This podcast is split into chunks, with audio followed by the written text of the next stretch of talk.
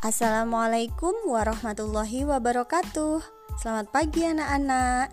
Hari ini Jumat tanggal 16 April 2021 Kegiatan lombanya adalah Menghafal hadis menuntut ilmu. Dan kalau belum hafal kamu cukup menirukan saja. Jangan lupa mengenakan pakaian seragam hijau dan kuning Terima kasih ya anak-anak. Semangat.